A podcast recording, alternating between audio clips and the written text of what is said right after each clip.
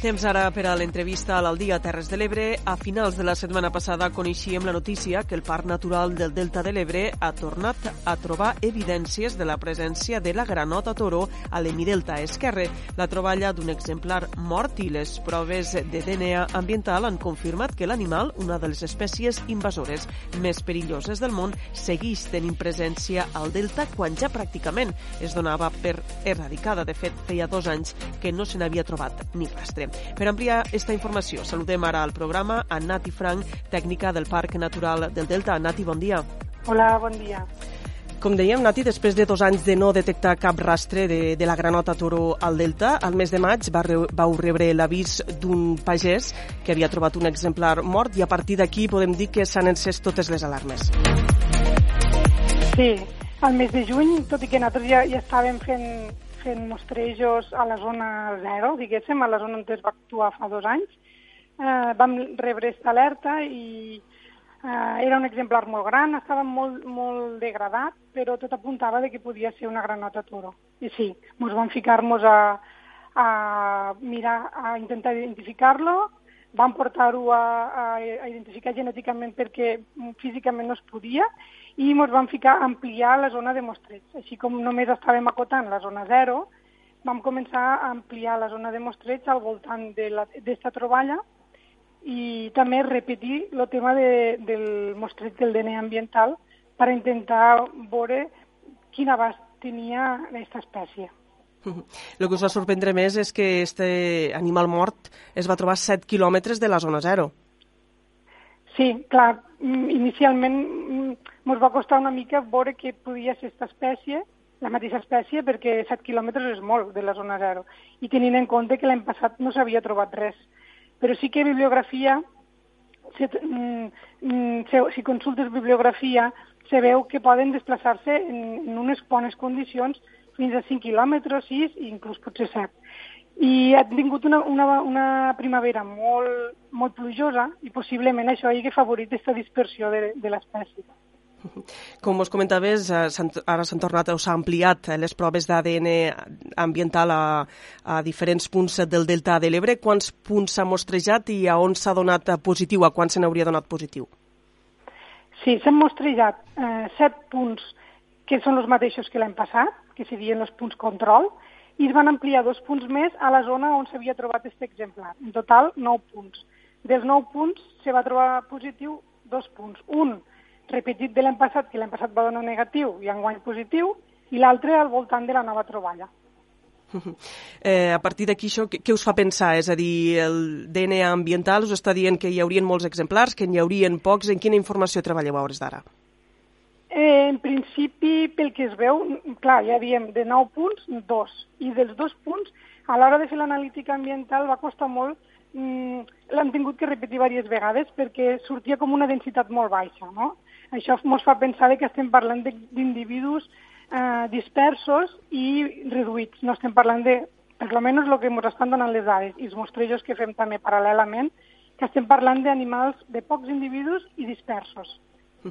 Des del Parc Natural s'estava treballant pràcticament ja per donar per erradicada la, la granota toro, ara us ha trobat en aquesta nova presència.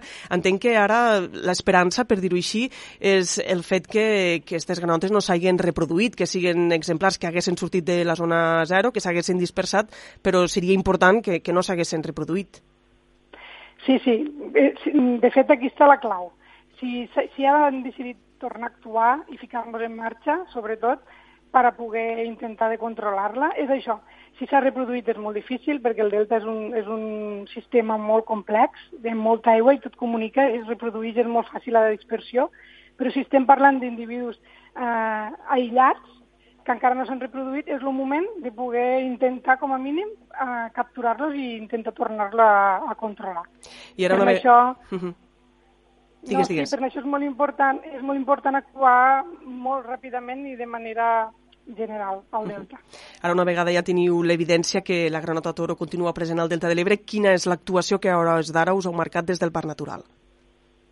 Mm, l'actuació mm, principal, que de fet la, la començarem a fer avui, és ampliar aquests punts de DNA ambiental perquè els punts que vam, que hem dit abans, els nou punts, són de control i abarcaven zones d'aigua molt grans, ens donen una informació massa àmplia i no ens acaben d'acotar el lloc on poden estar aquests exemplars. Am ampliarem els punts de 9 a 20 al voltant dels llocs on ha donat positiu. I així ens farà una radiografia dels puestos on poden estar les zones potencials d'aquesta espècie. Això seria el principal i el més ràpid. I a partir d'aquí, una vegada poguéssim acotar aquestes zones, eh, fer una crida. Vull dir, ens ficarem tots en marxa, evidentment, en búsqueda i captura d'aquests exemplars i important és la gent que tenim al territori.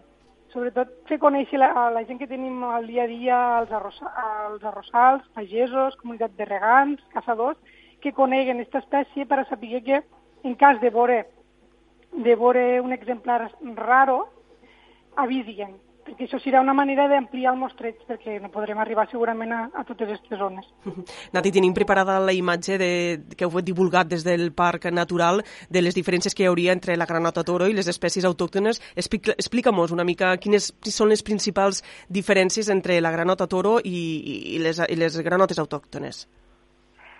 Sí, mira, la granota toro en si és molt gran i segurament ara mateix estem parlant de que les, els individus que es trobarien tindran un tamany bastant important. Pensem que una granota nostra pot fer uns 10 centímetres, lo normal, i ella de normal fa 20 centímetres, per exemple. ¿vale? És un individu molt gran. Per diferenciar-lo així ràpidament d'una granota comú, encara que de la mateixa mida, el més important són les línies laterals. Si veieu la imatge, aquestes línies que poden ser blanques o negres, sempre la granota nostra autòctona les té.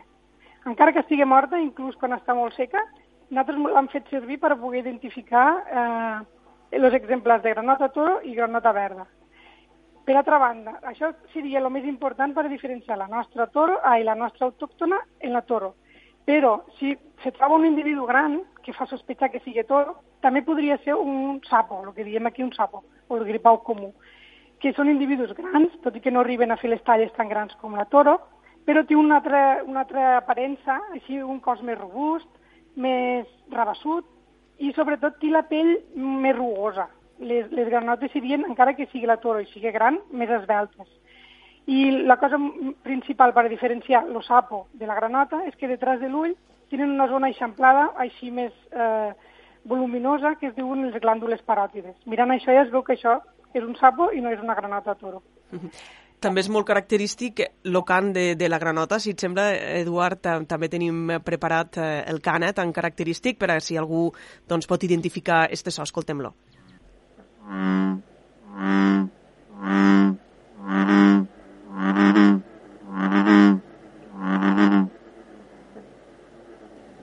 Com diu Nata, és un cant molt característic, no?, el de la granota toro. Sí, de fet, mm, este so m'ho recorda un bou, per això d'aquí ve el nom de la, de la mateixa granota, no? La granota toro. Eh, mos comentaves que avui mateix començàveu a fer ja les proves de DNA ambiental. Quan teniu previst tindre resultats i començar a treballar més ja sobre el terreny? pues, normalment tarden entre 3 o 4 dies. Esperem que cap a finals de setmana poguéssim tindre el resultat i ràpidament ens ficarem a, a acotar les zones i ja estem parlant amb els voluntaris i amb la gent que ens ajudarà a fer tots els rastreig de, de les zones on sortiguin positives.